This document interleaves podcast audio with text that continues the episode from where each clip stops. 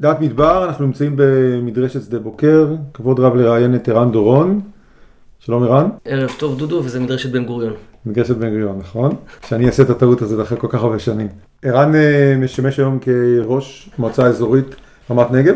אה, אז ערן, בוא תספר לנו קודם כל על הדרך שלך, איך הגעת למקום שאתה נמצא בו היום.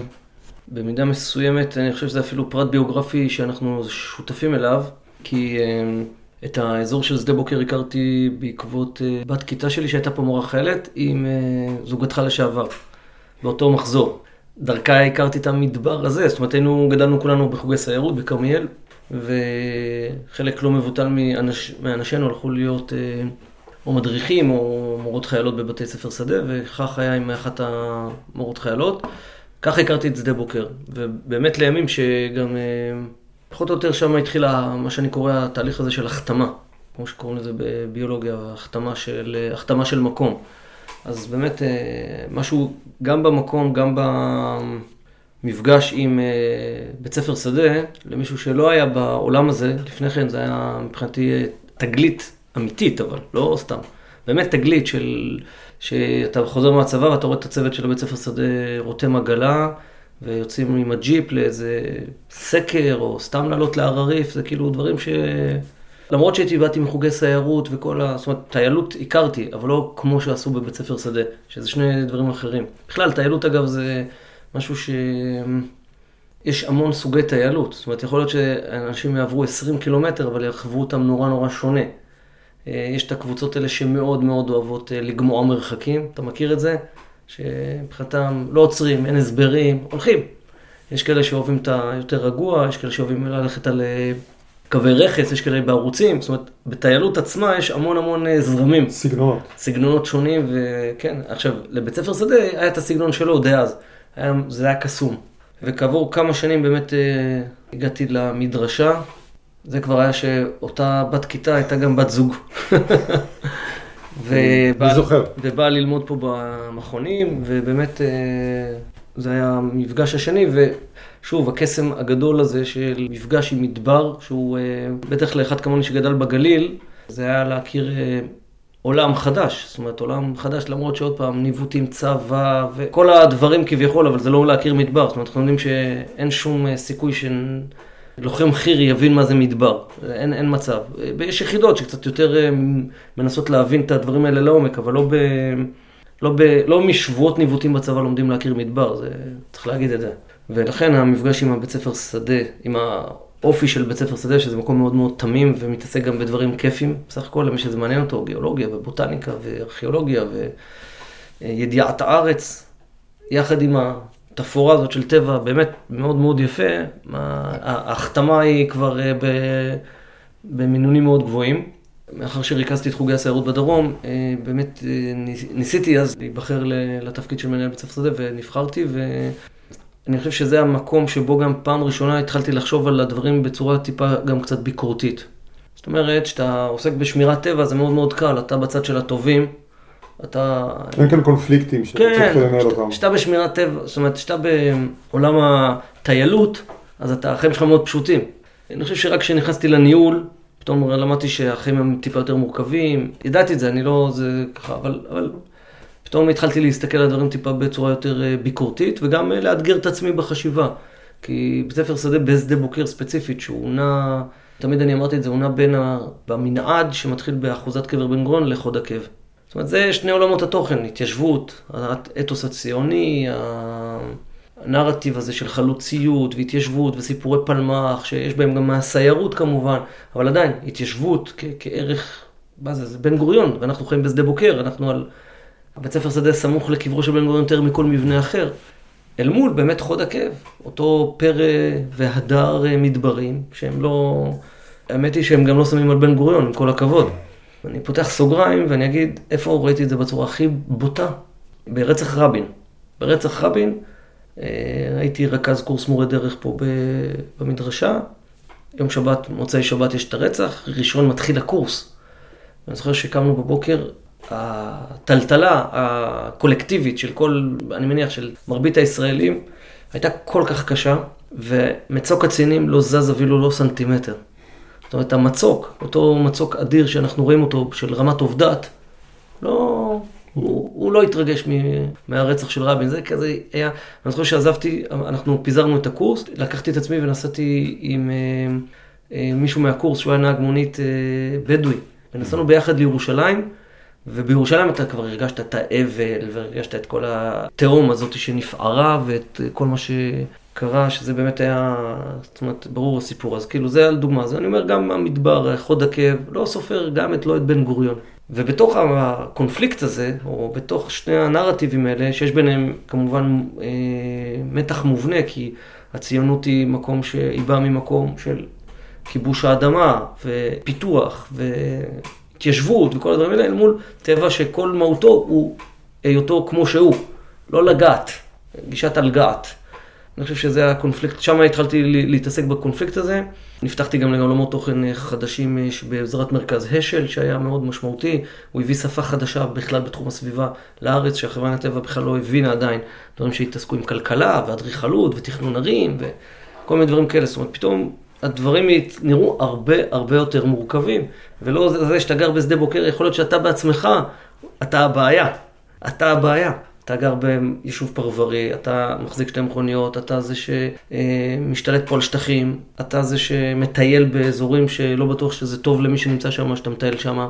קיצור, לא בטוח שהתפיסה שלנו כאנשי טבע, סביבה, שחיים במדרשה, היא באמת, אה, בוא נגיד, בערכים אובייקטיביים של קיימות, לא בטוח שאנחנו נקבל ציון גבוה. אגב, מאוחר יותר, שנים אחרי זה הייתי עושה אה, בוחן אה, של ecological footprint quiz כזה של אה, בוחן אה, טביעת רגל אקולוגית לחבר'ה של המכינה. ותמיד אה, אפילו מכיניסט שגר במדרשה, אם אתה לוקח את המשמעויות של זה, הוא לא, אפילו מכיניסט לא מצליח לקבל ציון טוב באותו בוחן. אני אנסה לארוז את כל מה שאמרתי עד עכשיו, בסופו של דבר בין אחוזת קבר בן גוריון לחוד עקב, התפתחה אצלי התפיסה שקראנו לה ציונות סביבתית. ציונות סביבתית בעצם מנסה לעשות את הבלתי ניתן לעשייה, וזה לגשר על השני כוחות האלה, והיא בעצם אומרת, אנחנו בעד מפעל ההתיישבות בנגב, מתוך אותו אידיאולוגיה ציונית, תוך שמירה על אה, משאבי הטבע לנו ולדורות הבאים. זה בעצם הסינתזה שאיתה יכלתי באמת ללכת לישון בלילה בסדר, או לרוץ אה, על שפת המצוק, להצדיע לבן גוריון מצד אחד, ולהמשיך אחרי זה לכיוון הר צרור, ולהרגיש עם עצמי בסדר. ציונות סביבתית, זאת אומרת שהמפעל, ה... ויש לזה גם משמעות פוליטיות כמובן, ציונות זה פוליטיקה, זה לא... זה פוליטי כמו כל דבר. אז ציונות זה פוליטיקה, גם סביבה היא דבר פוליטי. זהו, ובתוך, ה... אני חושב, הזיקוק של ה... גם של הקונפליקט וגם של הגישור, זה מאוד מאוד חידד את התפיסה שלי גם כאל איך אני, נגיד, כאחד שתפס את עצמו כאיש ירוק, מזוהה ירוק. אה, וגם איך אני תופס את עצמי כציוני, כחלק מהזהויות שלי, ישראלי, ציוני, וזה בוודאי אה, היה הבסיס לדברים שהיום אני מתעסק בהם כראש מועצה. בביוגרפיה שלך, איפה עברת מהמקום הזה של לנהל בית ספר שדה, שזה באמת להתעסק בנושאים שקשורים לטבע, שמירת טבע, טיולים, לבעצם להגיד, אוקיי, אני מתעסק בדברים שקשורים לתושבים, לדברים המוניציפליים, שזה קצת להתרחק מהטבע, כן להישאר באזור, כן להיות מאוד מעורב במה שקורה באזור, ובפיתוח שלו. ו... הצד הכואב של האירוע הזה, זה שאני הרבה פעמים אומר, אני מגיע ל...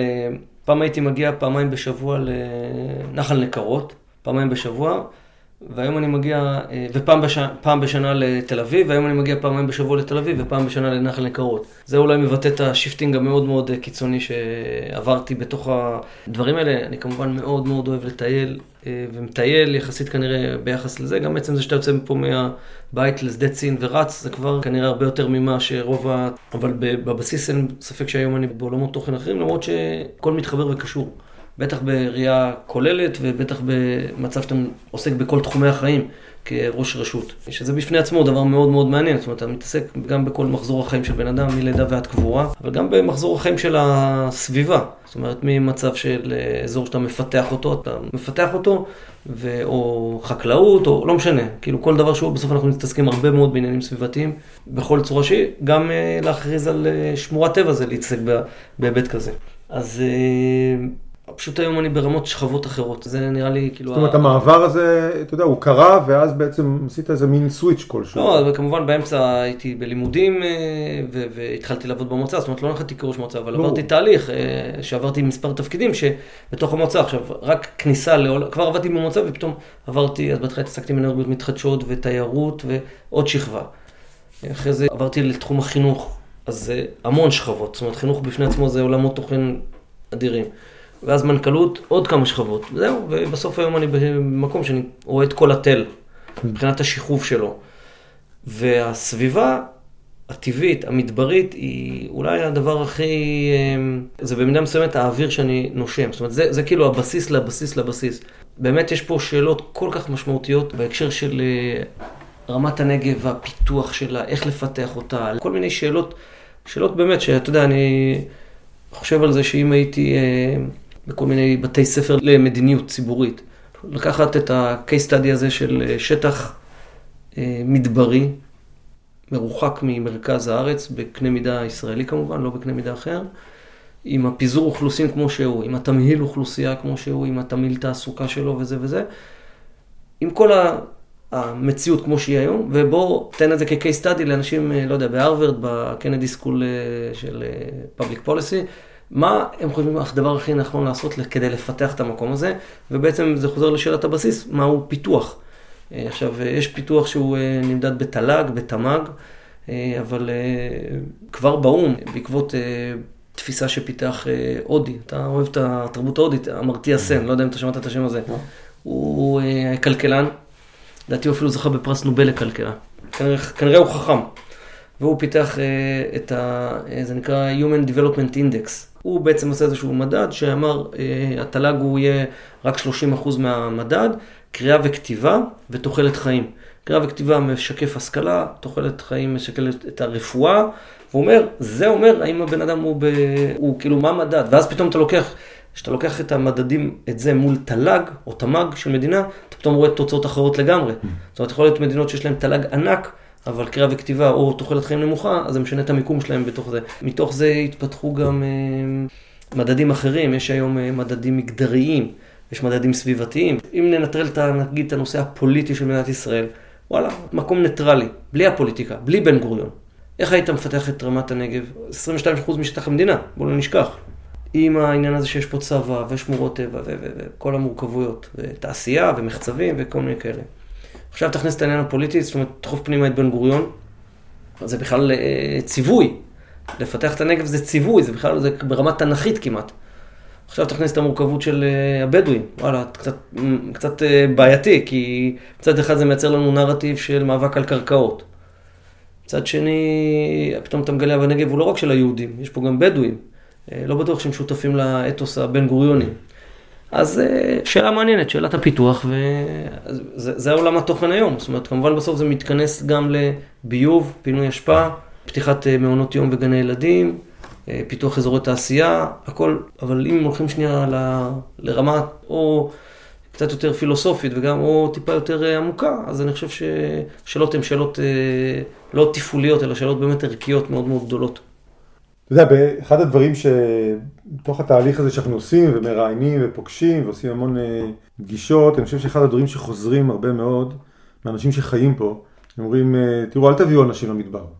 בוא נשאיר את המדבר כמו שהוא, לא נשנה אותו בצורה קיצונית, כן נהפוך אותו למקום שאנשים לומדים ממנו, שהם מקבלים תובנות ממנו, שהם אה, נתרמים ממנו, לא בהכרח חייבים להפוך את המדבר למקום עמוס. ו... נכון. המטרה שלנו זה להפוך אותו לייחודי, או לשמור על הייחודיות שלו, ולשמור אותו בתור מקום שהוא לא over populated, ולא לא over developed, ולא... כן. דווקא לשמור על המקום הזה. אז, אז אתה יודע, זה עניין של, שאלת המינון היא שאלה כמו הצו הקטגורי של כאן, זאת אומרת, היא, היא נכונה בכל דבר, שאלת המינון. ואני אתן לך דוגמאות אה, קונקרטיות. היום בפתחת ניצנה יש 200 משפחות. בסדר? ממרץ 49, סיום מלחמת אה, העצמאות, או מדצמבר 48, אה, סוף מבצע חורב, הגיעו לפתחת ניצנה 200 משפחות. זאת אומרת, זה מה שמדינת ישראל הצליחה לייצר בתוך פתחת ניצנה. עכשיו אני בא ואני אומר, פתחת ניצנה כדי שהיא תהיה ססטיינבול, זאת אומרת שבכלל היא תוכל להכיל את ה... לקיים גנים, לקיים קצת שירותים מינימליים, קהילה, כל מיני דברים מינימליים, היא צריכה לפחות אלף משפחות. עכשיו, זה, אה, זה פי חמש, כאילו. עכשיו, אתה יודע, התושבים שם אומרים לי, מה, אתה הולך להרוס לי את המדבר, אתה הרסת וזה, אבל מה זה, תקשיב, מה זה 200 משפחות? זה שני בתי קומות בגבעתיים. זאת אומרת, הסקאלה פה היא מאוד מאוד משמעותית והיא גם מאוד מאוד אינדיבידואלית. מה זה אלף משפחות? זה באמת, כאילו, יש יישובים ביהודה ושומרון אה, שכאילו משלשים את עצמם בכל 4-5 שנים. זאת אומרת, ופה אנחנו מדברים על 70 שנה, אה, 200 משפחות. זה בדיחה, לא? עכשיו, אני אומר לך, כבר היום בפתחת ניצנה אני מנהל ויכוחים עם אנשים שם על הנושאים האלה. רוב הציבור, כן, צריך להגיד, אה, הוא בעד הפיתוח, עם כמובן כל מיני חששות שתמיד יהיו משינוי. מי כמוך וכמוני יודע את המשמעות של פתיחה של משהו חדש, כמה זה מעורר אה, שינויים וזה וזה וזה. והיום יש שם מחלוקת קשה בנושא גנים. יש שם קבוצה שרוצה חינוך אלטרנטיבי אה, סלאש אנתרופוסופי, ויש כאלה שרוצים את החינוך הנורמטיבי, למרות שמראש מי שחי בקדש ברנע, אני אומר לך, מערכת הגנים שלו היא לא נורמטיבית. ומלחמת עולם, מלחמת עולם. עכשיו זה כבר הגיע למצב של הם ואנחנו, לאלה יש קרניים ולאלה יש זנבות. וואלה, וזה במקום שהקהילת הגנים היא סדר גודל של אה, אולי 100 משפחות. זה הזוי. עכשיו, זה קנה מידה שאני, אתה יודע, אתה נוסע למזרח, פתאום אתה רואה את הנחשולי הדם האלה, אתה מבין שאנחנו, מה אנחנו? כלום. ובתוך הקונטקסט הזה אני פועל, זאת אומרת שאני חושב שצד אחד יש איזו דיספרופורציה מוחלטת בעולמות התכנון, זאת אומרת זה נכון, מדינת ישראל היא צפופה מאוד מאוד מאוד מאוד מאוד, אבל בסוף תוספת של עוד 100 אה, בתים פה, בסך הכל מתוך היום, אה, יש היום כבר 8 מיליון אה, אזרחים במדינת ישראל, בסוף פה, היום אני מדבר על מועצה שיש בה 8,000 תושבים. זה, זה לא נעים. שהיא 20 אחוז משטח. והיא 22 אחוז משטח המדינה, כן. אז תכניס את מצפה ואת ירוחם ביחד, עשינו איחוד רשויות, בסדר, הנה, שמנו את זה בצד, עשינו איחוד רשויות, ביחד מה אנחנו? פחות מ-25 אלף תושבים. עכשיו, זה יכול להיות פי ארבע, וזה עדיין, בתוך השטח הענק הזה, וואלה, השטח יכיל את זה בצורה הזאת. ואת זה צריך לעשות, מה שהתכוונתי, ציונות סביבתית, בצורה מושכלת. אחד, אולי ההחלטה השנייה שקיבלתי בתור ראש מועצה, הייתה אה, לא להקים יישוב שנקרא שלח. אה, יואב גלנט היה שר השיכון, רצה להקים אה, חמישה יישובים בנגב, והעביר כבר החלטת ממשלה. אחד מהם היה כתוב, אחד היה קראו לו שלח. שלח נמצא מחצית הדרך בין אשלים, בין אזור אשלים לאזור פתחת ניצנה. אני חשבתי שיישוב שאין לו אמצעי ייצור של קרקע ומים, לשים 40-50 משפחות על איזה ג'בלה בנגב, בסוף זה לא מקיים וזה גם לא, גם לא נכון. צריך להביא את אותן משפחות לחיות בפתחת ניצנה, שגם ככה היא קטנה. ויואב, מה זה התרגז, כאילו באמת, התרגז וזה, ואמרתי לו, מה, מה קרה? מה אתם מפחדים? הרי זה לא שיש שם השתלטות של בדואים על השטח הזה. בקיצור, זו דוגמה לזה שאני אה, חשבתי שזה לא נכון. מצד שני, אני חושב שכן צריכים להקים מול רביבים את נווה תמרים, שזה סוף כל סוף אה, השוק הפרטי אה, מאמין בנדל"ן בנגב, אז אני אומר, וואלה, תגידו, תגידו תודה ולא תשימו כותרות של אה, יישוב לעשירים בלבד כאיזה משהו רע. זאת אומרת, גם זה שיש לבן אדם כסף זה אוטומטית הופך אותו כנראה לפושע. גם את זה, פופוליזם הזה, זה נורא הרי. הפיתוח שאנחנו באנו עם תפיסת פיתוח קצת שונה מה... מהתפיסה הפופולרית בלשכות התכנון ובאוניברסיטאות וזה וזה, עיבוי יישובים וזה וזה, אבל לפעמים זה שיח תכנוני כל כך רדוד. כשאתה מכניס את הקונטקסט באמת של גודל השטח אל מול כמות האוכלוסייה, אז אתה אומר, אני יכול להיות פה עם ארגז כלים טיפה אחר, אני חושב שהוא, שהוא יותר גם נכון. עוד פעם, בהנחה, וכן, אני עושה סינתזה בין שני, שני הנרטיבים שדיברתי עליהם, עליהם, גם הנרטיב האידיאולוגי של התיישבות וגם אה, נושא הסביבתי. אני חושב שזה ברי חיבור. מה מפריע לי? שכאילו אנשים יגידו לך, כן, חשוב לחזק את הנגב, חשוב לחזק את הנגב, אבל בסמוי בעצם יעשו הכל כדי שלא יקרה כלום. וזה שיח שהוא בעיניי צבוע או רדוד. אתה סיפרת לי קצת אה, בשיחה המקדימה שהייתה לנו על אה, חשיבה של 20 אה, שנה קדימה, או נכון, אם אתה קראת לזה ישראל 2030. כן, 2040 או 2048. כן. איפה אתה רואה? זאת אומרת, בהיי-לבל, מה, מה אתה חושב שמקום... כזה שוב, שהוא שטח מאוד נכבד, אבל הוא שטח... אז, אז אני חושב שאנחנו צריכים להגיע לאיזושהי מסה קריטית של כמות תושבים ורב דוריות, ומאותה נקודה באמת להרגיע. זאת אומרת, אין לי איזושהי כוונה, ואני אגיד עוד משהו, צריך להבין שכל אלה שאומרים אל תפתחו, אל תפתחו, אין ואקום. כלומר, יש לי עשרות דוגמאות לזה שבמצב של היעדר משילות או הובלה, אז בסוף אתה חוטף את כל הדברים שאתה לא רוצה, מתקן חולות, ואתרי פסולת, ומפעלים שאתה לא רוצה, וכל מיני דברים שאני לא בטוח שאני הייתי רוצה אותם, אני הייתי רוצה יותר דברים שקשורים לאקדמיה ולתיירות ולמחקר ולחינוך. או לפיתוח אה, כלכלי שהייטק, אבל לא, אם לא, אתה ישן, אתה חושב שאתה שומר על השטח, ואז אתה מקבל דרך הוולמ"ב במוסדות התכנון, איזשהו מתקן צבאי שאתה לא חלמת, ש... ואני אומר לכם את זה מניסיון מר, עם מתקן חולות. ולכן אני אומר, עדיף דבר ראשון לתכנן, להוביל את התכנון. בלהוביל את התכנון אתה אומר מה כן וגם מה לא. ובאמת בעוד 20-25 שנה מהיום, אני מקווה שנגיע למצב שהיישובים יהיו אה, רב-דוריים בצורה כזאת שהם גם יתחדשו וגם יש שם את, ה, את כל רצף הדורות בצורה אה, נכונה. ואז באמת אני לא רואה סיבה להיכנס לאיזה אמוק של פיתוח. זאת אומרת, זה נראה לי דבר שבאמת יש פה ערך גם גדול, בטח בטח במצב שבעוד אה, 30 שנה מדברים על כ-15 מיליון תושבים, זאת אומרת, אולי 16 מיליון תושבים, איזה כמות שהיא כאילו מכפילה את עצמה. אז אתה אומר, בואנה, תל אביב צריכה להכפיל את עצמה, הכל צריך להכפיל את עצמו. עכשיו, אני אומר, נניח נכפיל את עצמנו, מה זה, 30 אלף תושבים פה יהיו, 50 אלף תושבים, זה כלום. במקום של 15 מיליון תושבים על כל השטח הזה. ולכן יש סיכוי שגם פה, אפילו במקום הזה, יבנו קצת יותר לגובה. נראה לי סביר. אה, מאשר להקים עוד שני מדרשה במקומות נגיד של שטחים פתוחים. אבל אני אומר את זה, וכמובן אני מתנגד לחיבור של שדה בוקר עם הקיבוץ, זאת אומרת של הקיבוץ עם המדרשה, כי אני חושב ששדה צין צריך להישאר אה, שטח פתוח. אז הרגישויות פה הן כל כך גדולות, שאני חושב שקוראים לזה החבר'ה ש...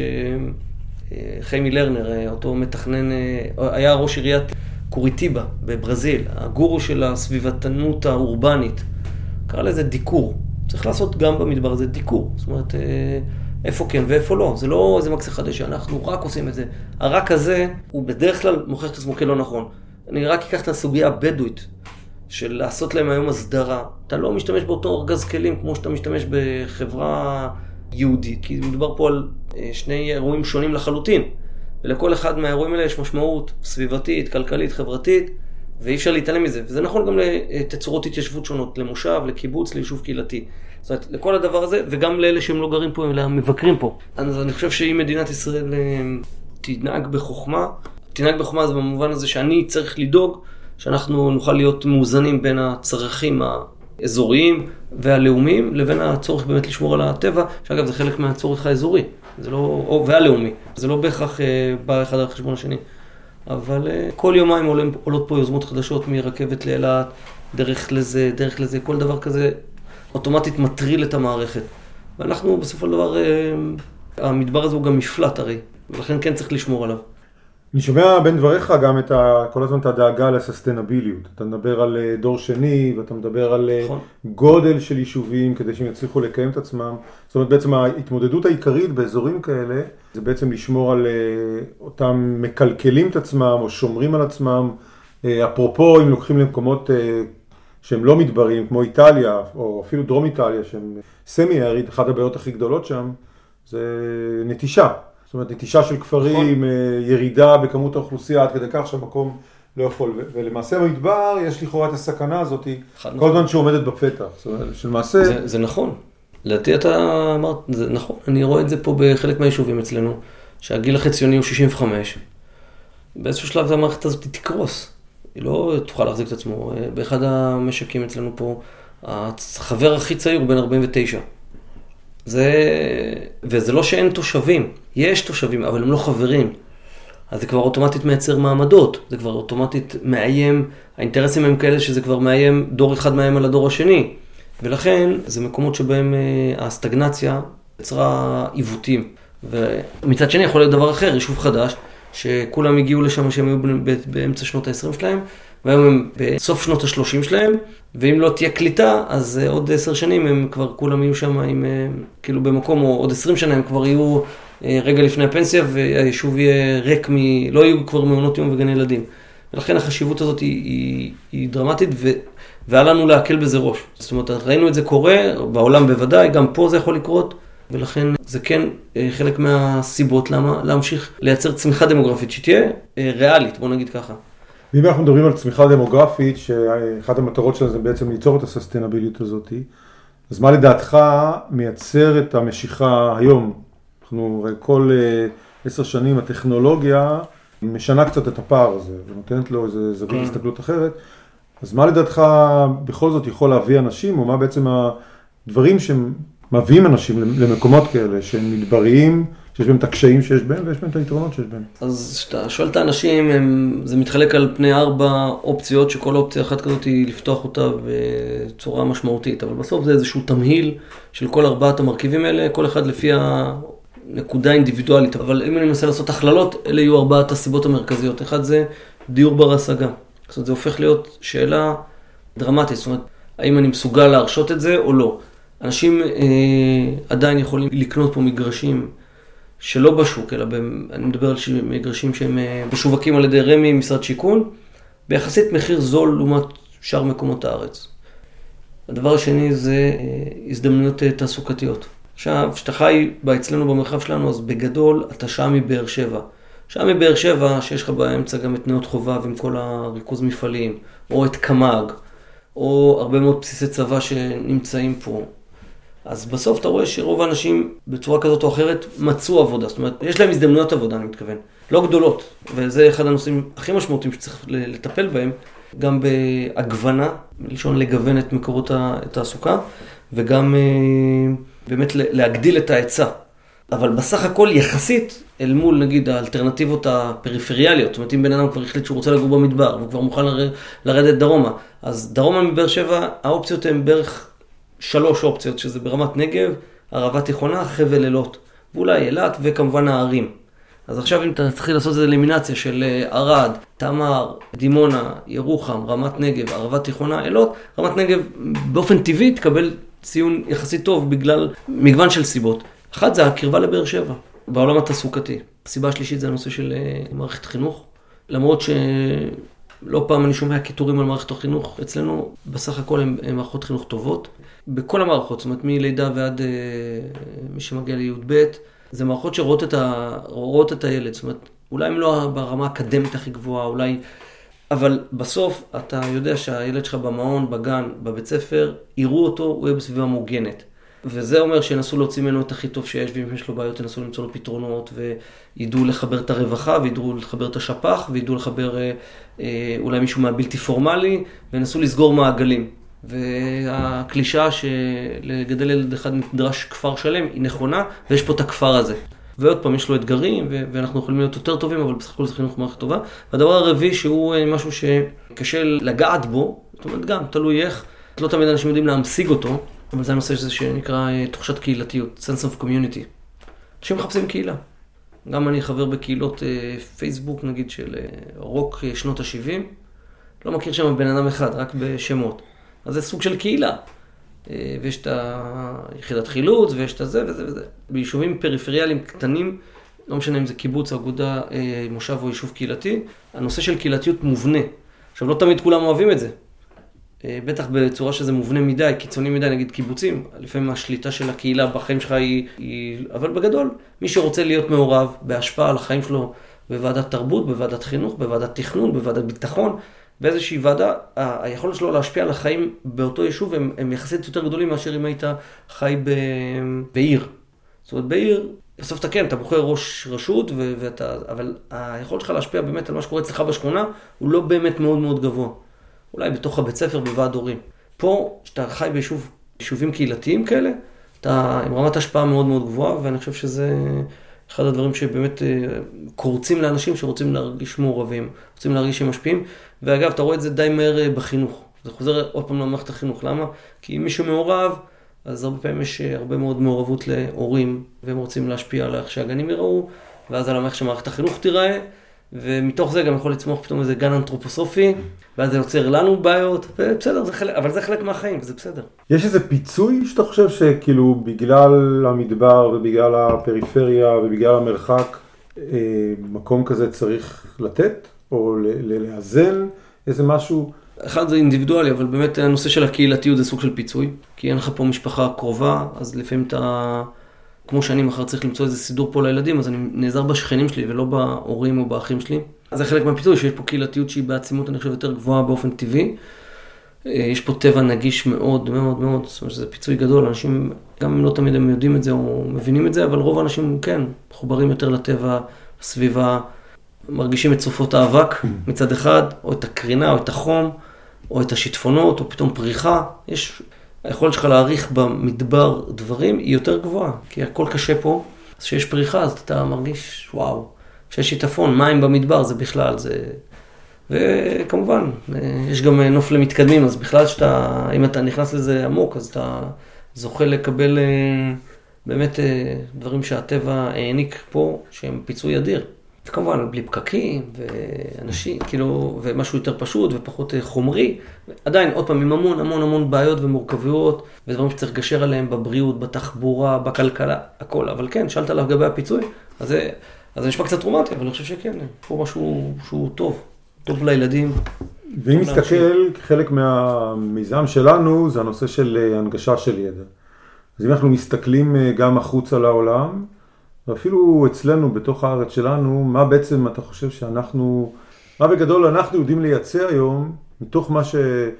מתוך הידע הרב שנאגר פה, כי כשאתה עובר כאן אה, לא רק חוקרים, אלא גם אנשי מקצוע, כן. אתה מגלה שיש כאן המון המון ידע טמון, הוא לא תמיד אה, נמצא בשפרה כזאת שאפשר לצרוך אותו, אבל בהיי לבל כזה, מתוך הראייה שלך, ממי שרואה את המערכת מ... אז, אז יש פה, בעולמות התוכן יש פה הרבה אוצרות אדירים של אה, מכון לחקר המדבר, אה, שהם באמת כאילו, ומכון בן גוריון לחקר ישראל והציונות, שהם אה, מוסדות אקדמיים פר סה, זאת אומרת, זה, זה מה שהם צריכים לעשות, לייצר את הידע הזה, לחקור, לייצר ידע, אז שמה אני כמובן לא... אבל בנוסף לזה, יש פה חיים, שאתה מתחיל להיכנס לעולמות התוכן של תחומי החיים, אתה מגלה שהרבה מאוד דברים, אם זה הנושא החקלאי, שבאמת הידע החקלאי שלנו היום אה, מופץ בעצם בכל רחבי העולם בגלל אה, פרויקט המשתלמים שלנו שמגיעים סטודנטים מאסיה ומאפריקה, והיו שת"פים גם עם אה, דרום אמריקה, ואני מניח שבעתיד יהיו שת"פים עם, עם מקומות נוספים, גם עם ארצות הברית.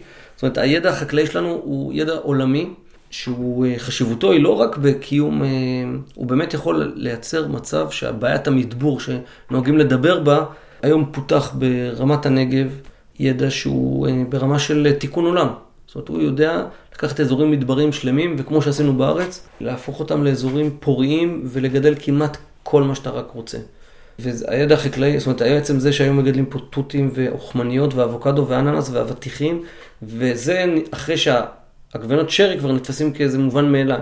אבל בוא'נה, עגבנות שרי במדבר, מי... זה לא בדיוק הדבר המובן מאליו, וגם לא זיתים, וגם לא רימונים, וגם לא סליקורניה, וגם לא אה, הרבה דברים אחרים.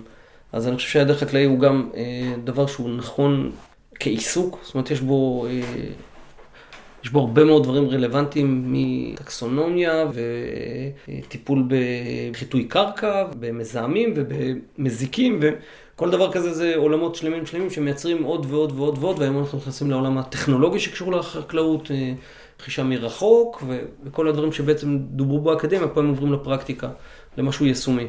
התיירות היא מרכיב סופר חשוב, שהיא יושבת על תשתית של אה, טבע, שהוא הבסיס להכל פה, אבל הוא גם לא רק טבע פיזי, גם טבע אנושי. סיפור ההתיישבות, האנתרופולוגיה, הבדואים, התרבויות הקדומות, כל הדברים האלה זה באמת עולמות אדירים שיש אותם פה. יש פה סיפור מאוד מאוד משמעותי שהוא צבאי.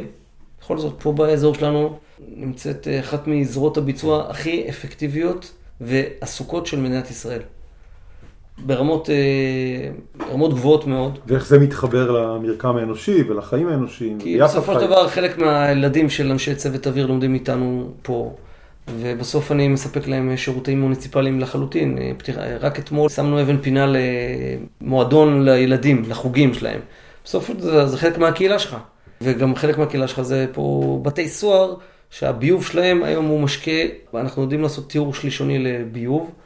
ועם הביוב הזה אנחנו יודעים להשקות שדות חקלאיים, והיום כשאנחנו מדברים על פתרונות ביוב של אסירים, אגב, ביטחוניים, ביטחוניים, זאת אומרת זה מדבר בכלל, מתכתב עם הבעיות שיש לנו בעזה וביהודה ושומרון, חלק מהפתרון הוא פה בנגב, שזה אסירים פוליטיים או ביטחוניים, שמייצרים ביוב, ואנחנו את הביוב הזה לוקחים, ואולי איתו נשקה בעתיד כרמים שבדואים יגדלו באזור עובדת, שזה בירת הנגב הפורה נקרא לזה ככה, אז כאילו, אתה יודע, בסוף זה הכל מתחבר. וההשראה לטרסות ולכרמים הגיעה מהתקופה הביזנטית. זאת אומרת, זה לא נחת עליי כי זה לא עמק יזרעאל.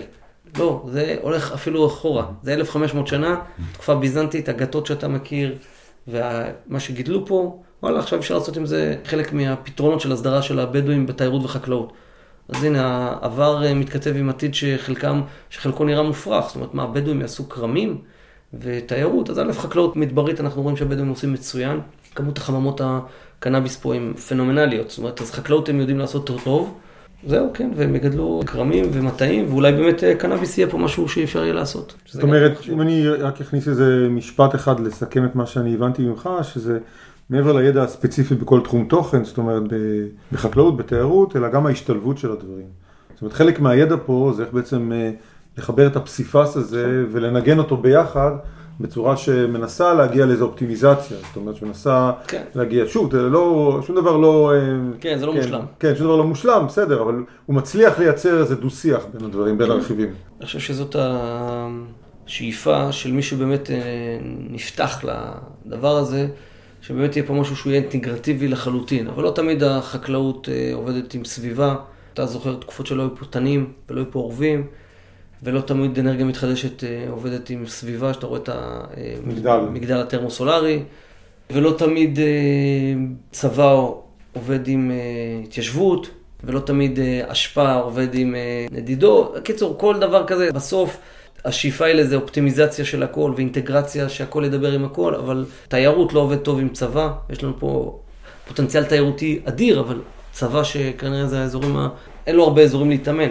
אז בתוך כל הדבר הזה אה, צריך בסוף לבחור צד. ואני בחרתי בצד של ההתיישבות ושל ה... בנקודת זמן הזאת של התיישבות ופיתוח אזרחי, תיירותי, חקלאי, כלכלי ופחות צבא.